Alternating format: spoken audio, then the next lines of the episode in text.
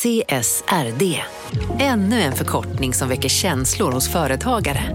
Men lugn, våra rådgivare här på PWC har koll på det som din verksamhet berörs av. Från hållbarhetslösningar och nya regelverk till affärsutveckling och ansvarsfulla AI-strategier. Välkommen till PWC.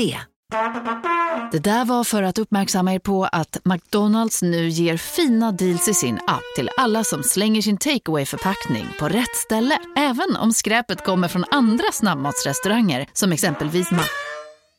Eller till exempel Burger...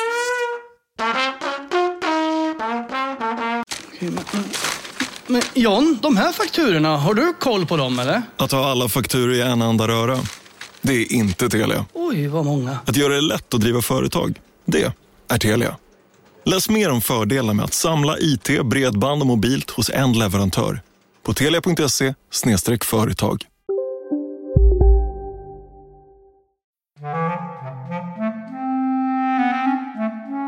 Från Monopol Media, det här är Kapitalet med mig Åsa Secker. Och med mig, Gunnar Harjus. Gunnar, du har ju en bostadsrätt. Ja. Vad, vad, hade liksom, vad hade du för taktik när du budade på den? Um, alltså, jag budade på typ åtta lägenheter samtidigt, så min taktik Wow. var, vet inte riktigt vilken lägenhet du budar på just nu, utan bara så här, du måste bo någonstans om en månad och det typ brinner seriöst i knutarna. Så lägg exakt så mycket pengar du har och när det oundvikligen går lite över det så lägger du lite till. Det var taktiken. Men du går hårt ut då med ditt max liksom, bud? Alltså jag bam. hade lite under de här liksom parallella åtta budgivningarna så hade jag lite olika taktiker. Någon som var så här, vad störig, höj 10 000 varje gång. Och så var det någon där jag bara så här trött. Jag tror att den jag vann, alltså där jag bor nu, där liksom tröttnade jag lite. Att det var så här någon som budade så här 2 miljoner 100 000 och så bjuder någon 2 miljoner 110 000. Jag bara så här, men det här kommer inte gå för 2 miljoner. Alltså så, här, så då la jag 2,3 och sen så då höll jag på och bara höjde mycket hela tiden. Bara så här, Ja. jag har hur mycket ekonomiska muskler som helst. Det var liksom budskapet jag ville sända. Du försökte få dem att hålla käften? Ja. Eh, jag är ju en sån här störig, ettrig liten jävel. Oh, lägger fem, all- lägger, du fem, får man lägga, lägger du 5 Nej. 000 buden? Nej, jag lägger 10. Ja, Men lägenheten jag bor i nu Ja. la jag ju ett bud på. ja. En höjning med 10 000. Ja, och så fick du den. Och så fick jag den. Snyggt. De som budar på dyr konst på Christie's i New York, eh, de tänker lite annorlunda. 95 and I go 110 over here. 110. I have it at 110 million. Who will give me 120? Give me 140. 100. På auktionshuset Christie's så höjer man alltså sitt bud med inte 10 000 kronor utan 10 miljoner dollar. Eller man och man, men det gjordes i alla fall under en 19 minuter lång auktion den 15 november 2017 när man auktionerade ut Leonardo da Vincis tavla Salvatore Mundi. Alltså det är ändå jävligt sjukt att, man, att en, en sån auktion tar 19 minuter medan min pissiga bostadsrätt som ju är värd, giss, alltså vad var de uppe på, 110 någonting. Alltså ingenting om jag jämför med den här tavlan då. Det, det tar ändå dagar att buda ut den. Jag rekommenderar alla att gå in på Youtube och kolla på den här auktionen som man kan titta på där i efterhand. Det, Ja. är, det är bara fascinerande. Allt med det här är fascinerande. Och vad landade det på? 370 million. Back to Francois' client at 370 million dollars, ladies and gentlemen. 400 million. Det här är ju fortfarande då världens dyraste tavla och det kan man ju förstå när prislappen landar på knappt 4 miljarder. Alltså förlåt, vi måste fan pausa. Alltså det är så sjukt mycket. Det är fruktansvärt mycket pengar. Eh, men då kan man också tänka sig att den hade ju inte kostat så här mycket pengar om det inte hade varit en da Vinci. Precis, även, och liksom, även om varje penseldrag hade varit identiskt så hade den ju absolut inte kostat så mycket om, man inte, om det liksom inte hade varit da Vinci, da Vinci. Nej. Verkligen. Mm. Och då är det ju extra viktigt att man vet att det är da Vinci som har målat den. Låter som en, en bra... Vet man det eller? Jo, man säger att man är säker på det i det här fallet. Men frågan är ju om man kan vara helt säker. Det var ju ett tag sedan Leonardo da Vinci målade sina tavlor. Dog han 1519 eller när var det? Jag vet absolut när han dog, men det är ju ganska alltså, Tänk om det skulle komma fram att bara så här, psyk, det var inte da Vinci, fyra miljarder i sjön. Det skulle vara extremt speciellt. Jag tror inte det betyder jättemycket för den här saudiska prinsen som köpte den här tavlan för att 400 miljoner dollar för honom är kanske inte så mycket pengar. Jag vet inte. Jag vet Ja. inte, man spiller sällan tårar över saudiska prinsar. Men det här det är en extremt spännande värld som vi ska dyka ner i Eh, för andra gången ska sägas, för att veckans avsnitt är en repris på ett avsnitt från 2018 och handlar om sanningen om en annan tavla som skulle kunna vara värd många miljoner. Eller också är den värd ungefär vad ramen kostar. I kapitalet idag om jakten på sanningen om en väldigt speciell tavla och om det överhuvudtaget går att vara säker på vem som höll i penseln för 400 år sedan.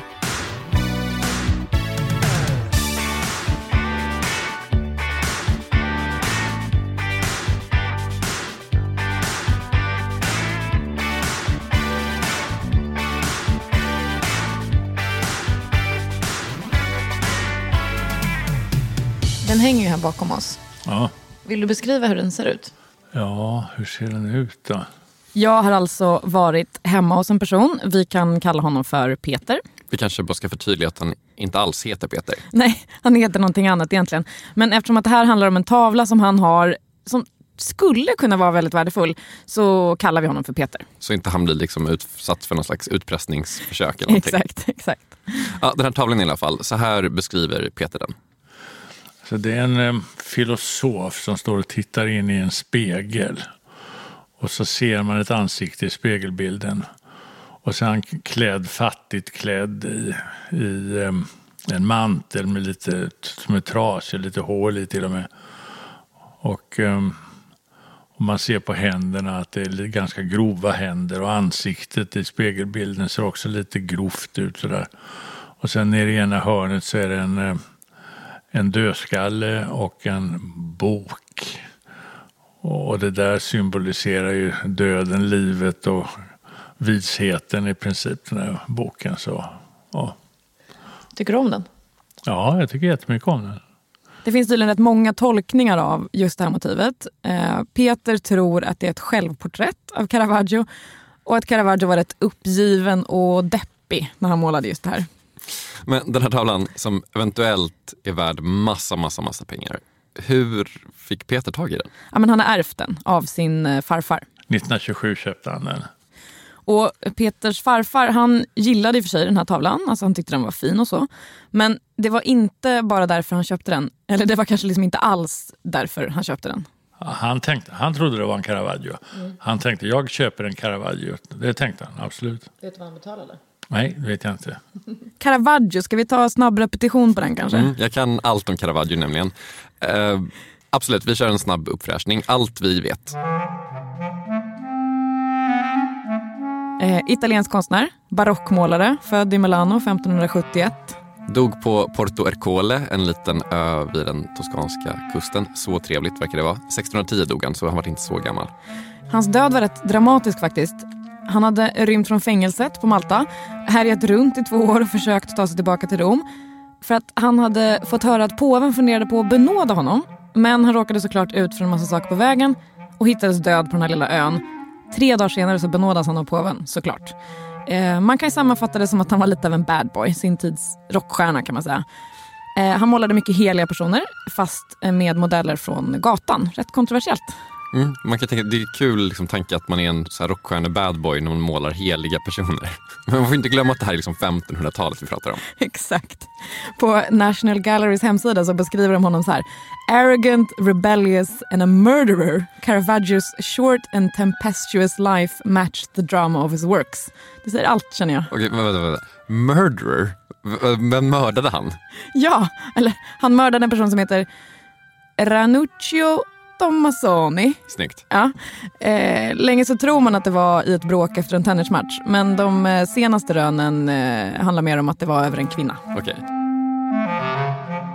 Och hans tavla då. Hans farfar var övertygad om att det var Caravaggio som hade målat den här. Och Det skulle betyda att den är sjukt gammal. Men också att den är värd rätt mycket pengar. Rätt mycket känns ju som årets underdrift.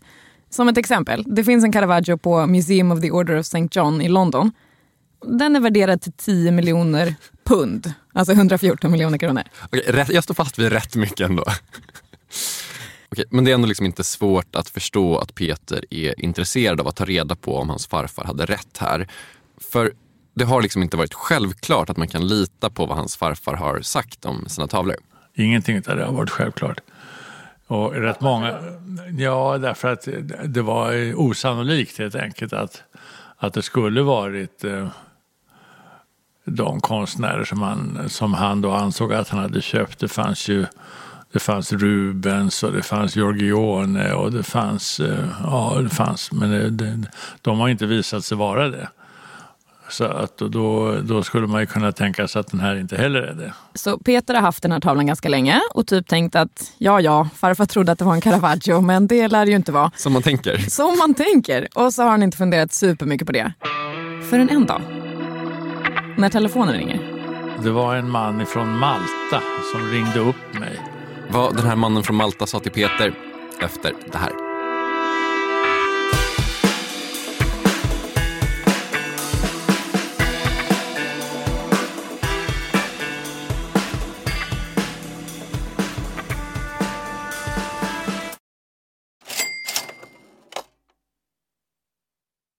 Vi sponsras av Storbrand Asset Management som ju förvaltar över 1000 miljarder norska kronor, bland annat för SPPs eh, många pensionssparare.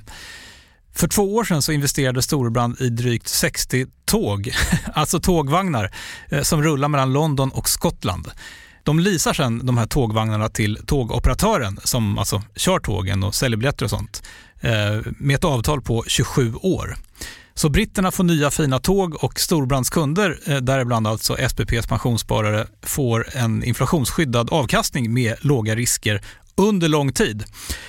Det här är ett av supermånga exempel på hur pensionskapitalet i växande omfattning bidrar till att bygga samhället och inte minst till att klara klimatmålen. Det behövs elproduktion, elnät, batteriparker, nya transportlösningar och allt möjligt. Bara i Europa antas investeringsbehovet för att klara klimatmålen uppgå till tusentals miljarder dollar. Och det här är ju pengar som ganska ofta saknas i statsbudgetarna. Däremot är det här pengar som pensionsbolagen kan vara med eh, och stoppa in, vilket ger pensionsspararna en fin avkastning under lång tid samtidigt som man är med och ställer om samhället.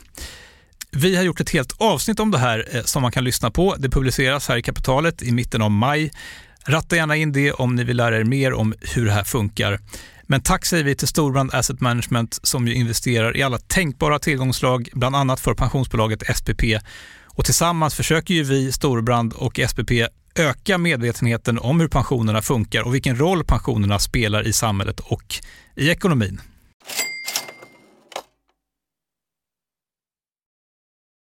Peter har alltså en tavla som han har ärvt och som hans farfar har påstått är målad av 1500-talskonstnären Caravaggio. Peter är inte lika säker och har inte funderat så mycket på det här. Men så ringer telefonen. Det var en man från Malta som ringde upp mig och som sa jag vet att du har den där tavlan. Och Peter undrar såklart hur den här mannen från Malta har lyckats ta reda på det. Och det har han ett bra svar på. Men vi, vi skippar det så vi inte avslöjar för mycket om Peters identitet. Mm. Men så säger den här mannen från Malta.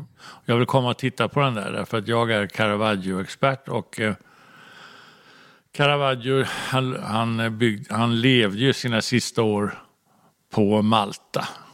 Och den här mannen var från Malta.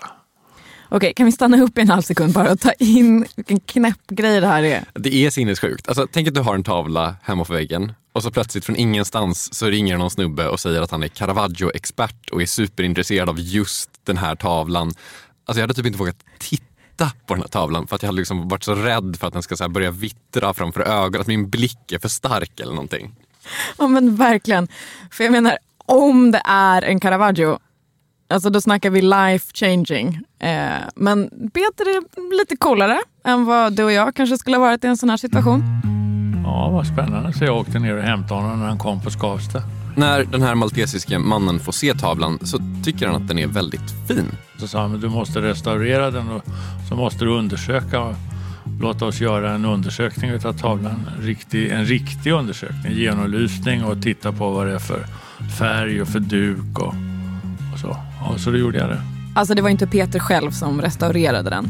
Det är såklart proffs som ska göra det. Så han eh, skickade tavlan till Italien. Så måste man först ansöka om utförseltillstånd då.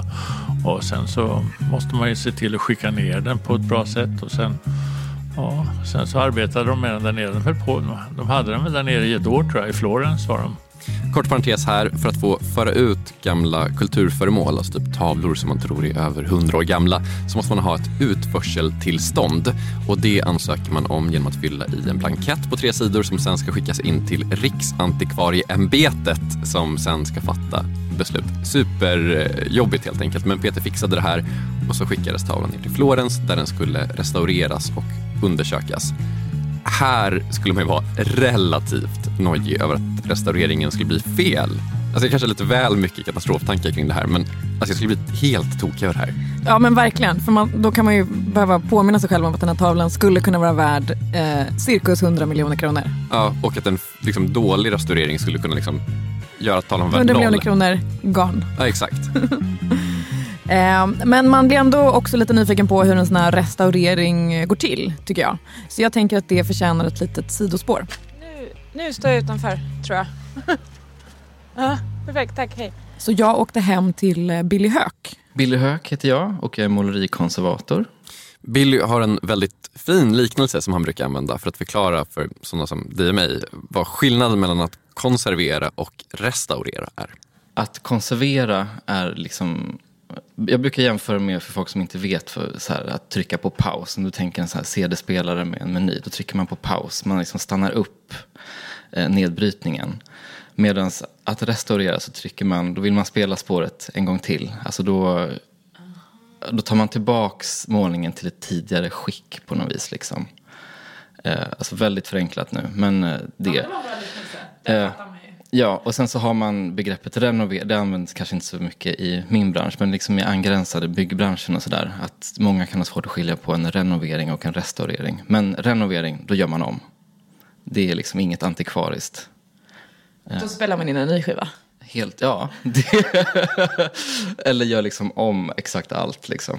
Och Peters tavla den ska alltså restaureras, inte renoveras. Viktig skillnad.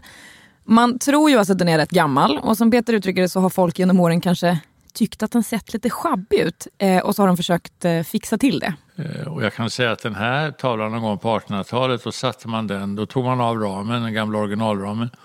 Och sen så satte man den i en ny spännram. Och eh, för att få det där att hålla bättre så limmade man på ytterligare en duk. Och då komprimerade man, när man limmade så komprimerade man dem där. Vilket var rätt synd, för då blev en del penseldrag och sånt där så att säga försvann då vid den restaureringen. Okej, här behöver vi lite så översättningshjälp av konservatorn Billy tror jag. Om då den här duken som man lägger på reagerar på luftfuktighet och temperatur på ett annat sätt än vad originalduken gör så kan den få originalduken också börja röra på sig på ett sätt som skadar färgskiktet. Och det här betyder alltså? Fibrerna i, i duken reagerar ju på, de sväller och krymper, sväller och krymper. Och det, ja, det beror mycket på hur tjocka de är, vad är det för textilfiber ehm, och sånt liksom. Hur, liksom. hur de är uppspända, alltså många faktorer som påverkar hur det rör på sig. Det är tydligen också rätt vanligt att man liksom målar på en tavla i något slags försök att bevara den. Alltså typ bättra på färgerna. Eller försöka se till så att färgerna inte släpper. Det går inte alltid jättebra. Nej, det mest kända exemplet kanske är den här tavlan i en kyrka i Spanien som föreställde Jesus. Och så var det någon sån välvillig restaurator som försökte fixa till den här genom att liksom så fylla i färgen. Och istället blev då den här supervackra, typ 500 år gamla Jesu-tavlan den berömda Jesus-apan. Den har inte undgått någon. Nej, den är så himla, himla, himla ful verkligen. Jag älskar den där tavlan. En kul grej med den tavlan är att den liksom har räddat den här staden som det finns. Det är en liten pytteliten stad som heter Borja som så verkligen var typ på ruinens brant. Det liksom gick jättedåligt för den här staden. Och på grund av den här tavlan så har det kommit hit skitmycket turism och så här, den verkligen blomstrar. Så, men liksom, det här kanske inte är någonting man kan räkna med ska hända om man gör en dålig restauration. Ändå fint. Slutet gott, allting gott. Ja. Är man konservator som Billy så stöter man ju såklart på verk som eh, kanske inte har restaurerats superbra.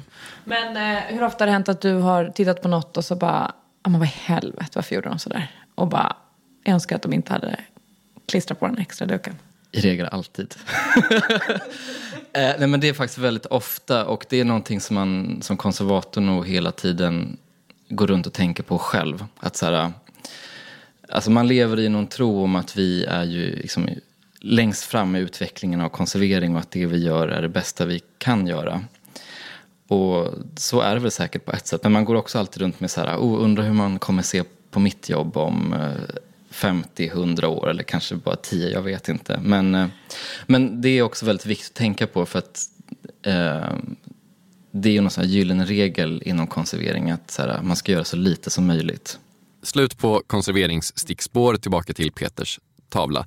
För den lyckades man restaurera där nere i Florens eh, och samtidigt som man gjorde det så gjorde man också massa så här undersökningar för att försöka få reda på vem som har målat den helt enkelt. Och till saken hör ju att när man försöker verifiera en tavla så är det, det är liksom två saker som man måste göra. Dels så är det ju den tekniska undersökningen, alltså ta reda på om typ färgerna och duken och allt sånt där stämmer med tiden. Alltså det kan inte vara färg som bara fanns på 1800-talet om den ska vara målad på 1600-talet. Eh, och sen vill man ju ta reda på lite mer om tavlans historia. Alltså vilka ägare den har haft. Och det där vill man ju kunna spåra så långt tillbaka som möjligt såklart. Och det har Peter gjort. Så man hittade den alltså 1689 finns den beskriven i drottning Kristinas sammanställning av drottning Kristinas tavlor i hennes dödsbo. Och sen gick den över till någon som heter Odde, Odde, Oddes, Oddes, Oddesalk. Jag vet inte hur det uttalas. SC Oddescalci. Kan du italienska? Nej, ja. jag chansar. Ja, Oddescalci, det tror jag stämmer. Och sen så såldes den alltså till hertigen Orléans 1721. Och sen så hamnade den på någonting som heter Lyceum 1798. Vad är det för något? Ja, det kan jag inte svara på. Men där finns den i alla fall omnämnd. Och sen så hamnade den i England hos den här Edward Cox. Och sen så står det bara Private, Private Collection 1852. Där finns den beskriven i, i den här boken. Elisabeth du Guy Jag har inte följt upp det här själv. Och sen så 1915 så köptes den av någon som heter Claes Levin. Och sen köptes den alltså av Peters farfar och nu har Peter den. Och när man tar reda på allt det här, då letar man i arkiv och dokument såklart, men också i auktionskataloger, alltså kataloger där man har listat verk som ska säljas på auktion. Mm. Och i en av de här auktionskatalogerna från 1700-talet som Peter faktiskt också har hemma hos sig så listas alltså en tavla som ser nästan precis ut som Peters. Men det finns en stor skillnad. En skillnad som kan vara värd hur mycket pengar som helst. För på bilden i katalogen så ser man två tummar på den här personen som håller i spegeln. Och på Peters tavla så ser man en tumme. Betydelsen av försvunna tummar efter det här. Kapitalet sponsras av Master Exchange, plattformen där du som privatperson kan investera i låtar och får pengar varje gång de här låtarna spelas. Eh, vi berättade ju senast eh, om barnlåten Puff the Magic Dragon som noterades av Master Exchange under våren. Nu har utdelningen på den låten kommit, eller royaltyn som vi säger i musikbranschen. Eh, den ligger på drygt 12% i årstakt och det här är ju en avkastning som är helt okorrelerad till eh, börsen. Till och med Goldman Sachs har börjat skriva om just musik som investering eh, just ur det här perspektivet. Nu finns en möjlighet att investera i en ny låt. Eh, låten heter Boss Bitch och den är av Doja Cat som, alltså jag ska inte säga att jag är superdeep här men det är ändå en, en, person som jag vet om det är. En, en världskändis. Den här låten gav baserat på förra årets spelningar en avkastning på drygt 13% Master Exchange har just nu en väntelista på registreringar. Det, det går lite för bra för dem kan man säga. Men Skriver ni in kapitalet som promo code så kan ni runda kön och ansöka om andelar i låten Boss Bitch ändå. Man investerar helt vanliga pengar, det är inget krypto eller sånt där. Så vill du investera i musik och få en avkastning som är helt okorrelerad med börsen och kanske inte minst för att det är kul att äga låtar eh, så kan man gå in på masterexchange.com och använda kapitalet som promo code så går man alltså förbi kön. Kom ihåg dock att alla investeringar är förenade med risk, men vi säger stort, stort tack till Master Exchange. Kapitalet sponsras av Karla, Jakob. Ja, bilar igen. Ja, det är härligt. På Karla kan man sälja sin elbil eh, på det gissningsvis smidigaste sättet i Sverige. Eh, Karla har ju ett nästan ett komiskt högt användarbetyg på Trustpilot. Mm. 4,8 av 5, vilket jag typ aldrig hört talas om. Nej, det är väldigt, väldigt högt. Eh, Man knappar in lite info om bilen på sidan, sen får man en gratis värdering och ett bud. Accepterade budet kommer Karla och hämtar upp bilen gratis och sätter in pengarna innan de kör iväg. Inget mer än så. Rätt fantastiskt. Nej, det är faktiskt Ja. helt otroligt. Och eh, det kan bli ännu mer eh, otroligt än så. eh, För att vi har nämligen en eh, rabattkod som ger dig 2000 kronor extra för bilen. Så om du säljer din bil så får du två lax extra. Stämmer. Bara sådär. Eh, koden är Monopol och eh, den uppger du när du har värderat bilen och pratat med Karlas inköpare. Koden är giltig till sista maj så att passa på om du går i säljartankar. Jag undrar om vi haft en kod som har gett två lax bara sådär någon gång. Nej. Det är helt otroligt. Man behöver en bil förvisso. Absolut, så det är inte, kanske inte bara sådär, men det är ändå 2000 kronor extra. Väldigt bra. Ja. Så sälj din elbil eller laddhybrid till Karla. Du får 2000 kronor extra med rabattkoden Monopol. Eh, hoppa in och kolla på karla.se, Karla Museet. Där kan man också köpa bilar ska jag tillägga. Verkligen. Vi säger stort tack till Karla. Peter har alltså skickat sin tavla till Florens. Där har de restaurerat den och så ska de göra alla de här undersökningarna. Och då är det en sak som han är särskilt nyfiken på, Peter. Den här tummen. Mm, för Peters tavla har en tumme. Katalogtavlan, som alltså är liksom beviset på huruvida den här är äkta eller inte, den har två tummar. Och nu ska Peter få reda på, har det någonsin funnits två tummar på sin tavla? Jag är på riktigt supernervös nu. På den här um, tavlan ifrån um, konstkatalogen, den gamla konstkatalogen från början av 70 1700-talet. Där håller den här mannen, han håller i spegeln med två händer och man ser bägge hans tummar, både vänster hand och höger hand. På den tavlan som jag hade innan den skickades ner så såg man bara en tumme. Så det var ju en av uppdragen då till när de skulle renovera den och när de skulle genomlysa den. Det var ju att se, finns det en övermålad tumme där? För att i annat fall så är ju den här tavlan absolut inte, inte den som finns i konstkatalogen.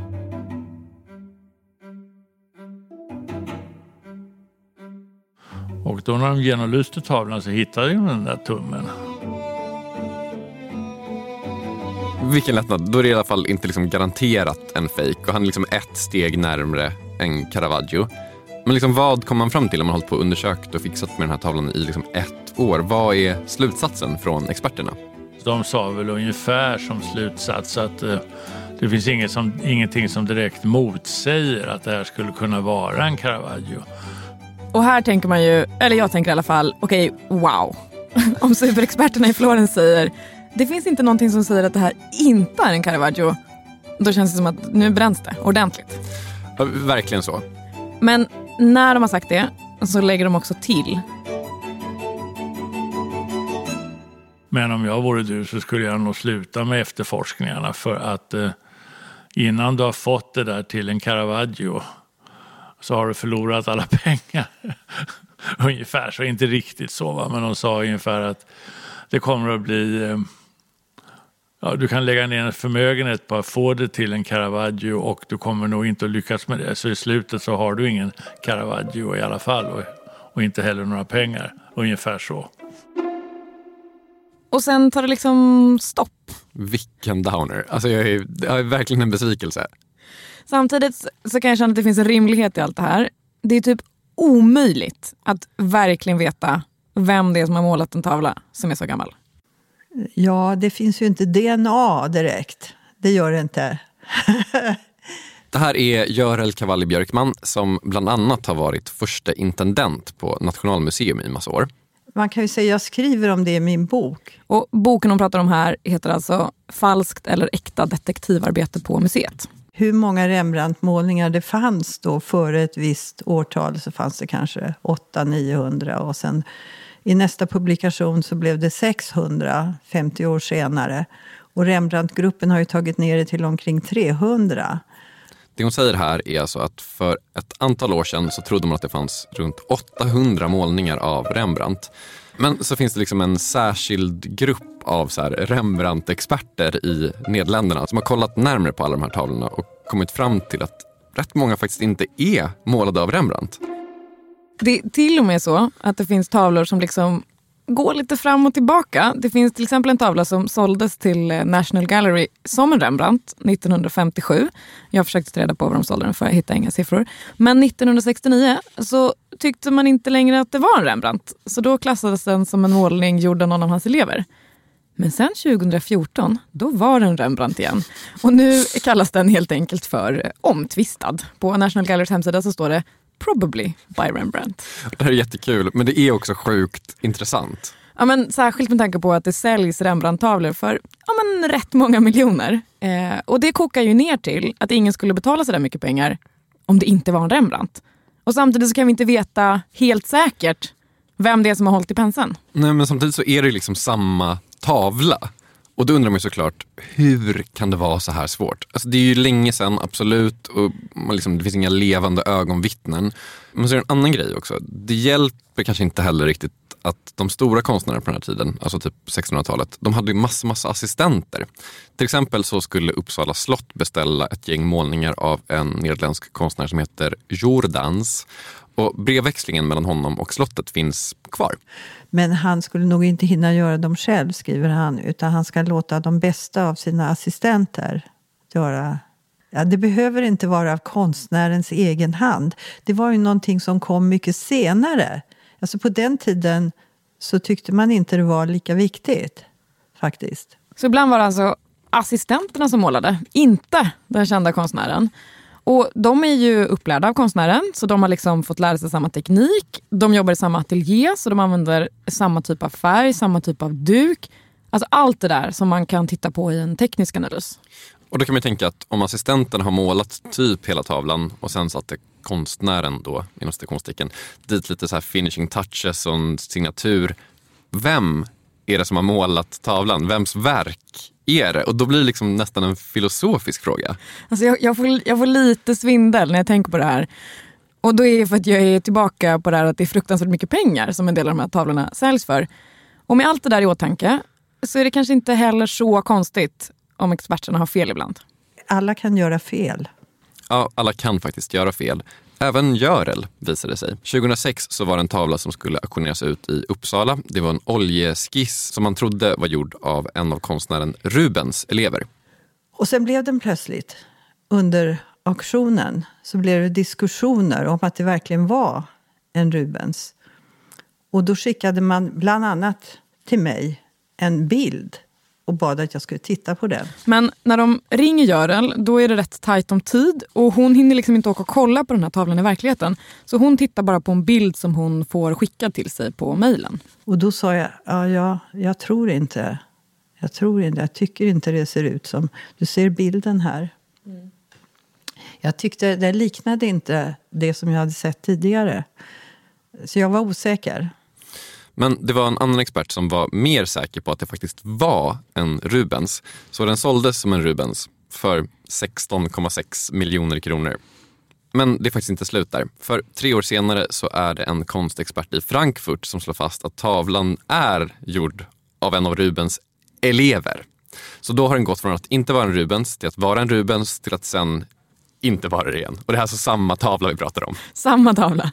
Så sen när Görel skriver sin bok Falskt eller äkta så skriver hon att den såldes som en Rubens men sen visade sig inte vara det. Men nej, det är inte slut där heller. För strax innan Görels bok kommer ut, när den liksom ligger färdigskriven på förlaget men inte har getts ut än, då kommer det ut en bok av några av världens främsta Rubens-experter. Och det är ju uppenbart att det här är ju de största experterna på Rubens. För de jobbar vid Rubenianum i Antwerpen. Och de har gett ut verk av Rubens i flera volymer. Och här är just den här typen av målningar i den här boken. Och där finns den som en äkta skiss av Rubens. Och då får man ju mena att den samlade expertisen här har rätt. Så om den här bedömningen nu ligger fast, för det verkar ju inte som att någonting någonsin kan vara liksom hugget i sten i den här branschen, så hade Görel alltså fel. Men det som är fascinerande är ju att det här är exakt samma tavla med liksom exakt samma penseldrag och ram och duk och färg och underskrift. Och den tavlan pendlar liksom miljoner och åter miljoner kronor i värde fram och tillbaka beroende på vad någon säger om den. På ett sätt så tycker jag att det här påminner om aktier. Alltså, aktier när det är som sämst i någon slags bizarr yra eller krasch. Att så här, folk bara slänger ur sig massa grejer omkring vad det här företaget borde vara värt. Och det bara liksom skjuter i höjden eller totaldumpas beroende på vad bara någon typ råkar säga. Ja, men att saker är värt något bara för att folk säger att det är värt något helt enkelt. Exakt. Men i alla fall, Görel skrev fel i sin bok och det känns ju lite jobbigt såklart. Såklart. Men oftast så har hon rätt faktiskt. Som en gång, ja det här är lite av ett till stickspår. Men det är, så, det är en så bra historia, vi kan liksom inte med gott samvete undanhålla den för lyssnarna. Det var rätt länge sedan när Nationalmuseum fortfarande hade såna där öppna mottagningar. Alltså typ som Antikrundan, fast utan kameror. Man fick liksom komma till Nationalmuseet med sin tavla och bara, är den här värd något? Och de bara ja eller nej. ja, exakt. Och då kom det in en kille och sa att han ville hjälpa en kompis att försöka verifiera en målning som han också trodde var just en Rubens. Alltså vad är grejen med Rubens? Har alla en tavla som kanske är en Rubens? Har du en tavla som kanske är en Rubens? Eh, svar nej. Svar nej. Eh, men i alla fall, när Görel kollar lite närmare på den här tavlan så tycker hon att det är rätt mycket som stämmer. Sen så kollade jag i litteraturen och den fanns ju med eh, som ett verk som ägdes av Prado-museet i Madrid. Och jag, till min förvåning då så såg jag ju liksom att varenda streck och varenda, om jag kollade med förstoringsglas och sådär. Så, Eller rättare sagt, allt stämmer. Och då ringer hon såklart till en kollega på Prado-museet och då säger de att just den tavlan har blivit stulen från ett litet museum vid kusten som den var utlånad till. Och Nationalmuseum får inte behålla den här tavlan för det är liksom inte deras. Men de polisanmäler ju såklart det här. Och eftersom att det är flera länder inblandade så kopplas Interpol in efter ett tag. Och till slut så får man tag i den här tjuven och i tavlan. Men tjuven är inte dum. Han skaffar sig en bra advokat. Ja, det är Leif Silbersky. Och han lyckas få sin klient friad i första instans. Därför att Silbersky hävdade då att eh, måtten stämde inte med katalogen. Eh, det var en halv centimeter. Och de hade ju inte kallat vare sig mig som vittne eller någon från Prado. De lyckas alltså övertyga domstolen om att den här tavlan inte är samma tavla som har stulits i Spanien. Men sen blir det en jävla cirkus. För ungefär samtidigt så ska Moderna Museet, som då hängde ihop med Nationalmuseum, de ska ha en Picasso-utställning och då ska de låna tavlor från Spanien. Men då säger Spanien, app, app, app, ni får inte låna några Picasso-tavlor förrän vi har fått tillbaka våran Rubens. Så då tas det här fallet upp i Högsta domstolen och då kallar de såklart Görel som vittne. Eh, de har till och med ritat av mig en tidningsartikel där jag sitter då mitt emot. Det var ganska ruggigt på något sätt. Men... eh, Mitt emot tjuven. Ja, och Görel har en plan för hur hon ska övertyga domstolen om att det här är samma tavla. Hon har nämligen tagit fram ett transparent foto av den här målningen som hon då har undersökt. Och så lägger hon liksom det här transparenta fotot över bilden i katalogen. Alltså bilden på tavlan som hör hemma i Spanien. Och då ser man att det stämmer exakt. Varenda linje, varenda penseldrag stämmer. då blev han ju fälld och, och fick ett års fängelse tror jag. Jag kommer inte ihåg riktigt hur lång tid. Men han lyckades lämna landet. Innan, eh, han ansågs vara pålitlig så att han eh, satt inte kvar i häktet. Va? Utan han fick eh, göra ordning sina affärer och så. Det, det hände väl ofta. Men då lyckades han smita ur landet. Alltså det är ju en, det är liksom en helt orimlig bedömning att anse att en konsttjuv är pålitlig. Alltså även bland tjuvar känns det liksom som att konsttjuvar är liksom en särskilt opålitlig kategori. Får, får man säga att det känns lite svennigt att så här, nej men vi litar på honom. Jag antar det. Ja, det är väl svennigt då. Men eh, tavlan lämnades i alla fall tillbaka till museet så det var ju bra. Ja, verkligen bra. Det här låter ju så himla mycket som liksom en film om en... Ja, det är en film helt enkelt. Ja men det gör ju det. Och det är fler som har tyckt så. Det har gjorts en film om det här. Eh, Det finns en tv-dokumentär. Eh, Den heter The Art of the Heist. Eh, Den kan man kolla upp på Youtube. It started as one of the most perfect art heists. Two Rubens sketches stolen in broad daylight from a gallery in Spain, leaving no clues. Är Görel med? Jajamensan. And he wanted to know if he owned Rubens. I thought it must be a copy. It usually is. Men Peters tavla då? Den som experterna i Florens sa att det liksom inte går att säga att det inte är en Caravaggio. Vad tycker Görel att han ska göra med den? Ska han liksom fortsätta med sina efterforskningar? jag skulle nog fortsätta av ren nyfikenhet. Men Peter är kanske inte riktigt lika sugen på att lägga mer eh, tid på det här. Kan du leva med ovissheten? Ja, absolut. Men finns det ändå någonting som liksom skulle kunna få honom att fortsätta eller återuppta eller vad man ska säga? Ja, alltså det ska, man ska aldrig säga aldrig. Om det kommer någon och säger om den där tavlan var spännande, skulle jag vilja utforska åt dig till exempel. Ja, då skulle man ju säga det får du jättegärna göra. Ja. Alltså det är lite antiklimax, för vi får liksom inga mer svar än så. Kanske så äger Peter en Caravaggio, kanske så gör han inte det. Det är helt enkelt ingen som vet. Men det återstår ju en fråga, en rätt viktig fråga. Vilken fråga? Ja, men alltså, det här handlar ju om tavlor som är värda många, många miljoner. För att de är målade av en känd konstnär för länge, länge sedan. Men i min värld så är liksom konstens syfte, eller vad man ska säga, att den ska vara vacker typ. Eller den ska ge, den ska ge något att titta på, man ska känna något typ. Mm. Och det här att vissa tavlor är värda ett mindre lands BNP, det kan kännas orimligt när man tittar på dem. På grund av att de är inte så fina. Så vem är det som bestämmer vad som är fint? Vad är bra konst? Ja, men jag menar, det är ju liksom, det finns ju, all humaniora nästan utgår ifrån frågan vad är bra konst eller vad är konst eller liksom, hur ska vi tolka konst? Men det, det är ju liksom såklart en sjukt intressant fråga.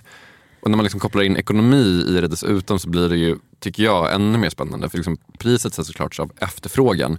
Men jag kan typ känna att efterfrågan kommer av andras efterfrågan, om du förstår vad jag menar, snarare än utifrån kvaliteten på verket. Massor av de här tavlorna är såklart superfina. Men det finns ju också liksom tavlor som ja men, ganska många tror jag är överens om inte är så fina men som är värda otroligt mycket för att folk, har liksom, folk vill ha de här tavlorna för att andra folk vill ha dem. Men det är ju verkligen som att någon bara bestämt att det ska vara värt mycket. Eh, och det här är det ju inte bara vi som har funderat på. Surprise, surprise. Konservatorn Billy har också eh, funderat en del på det här.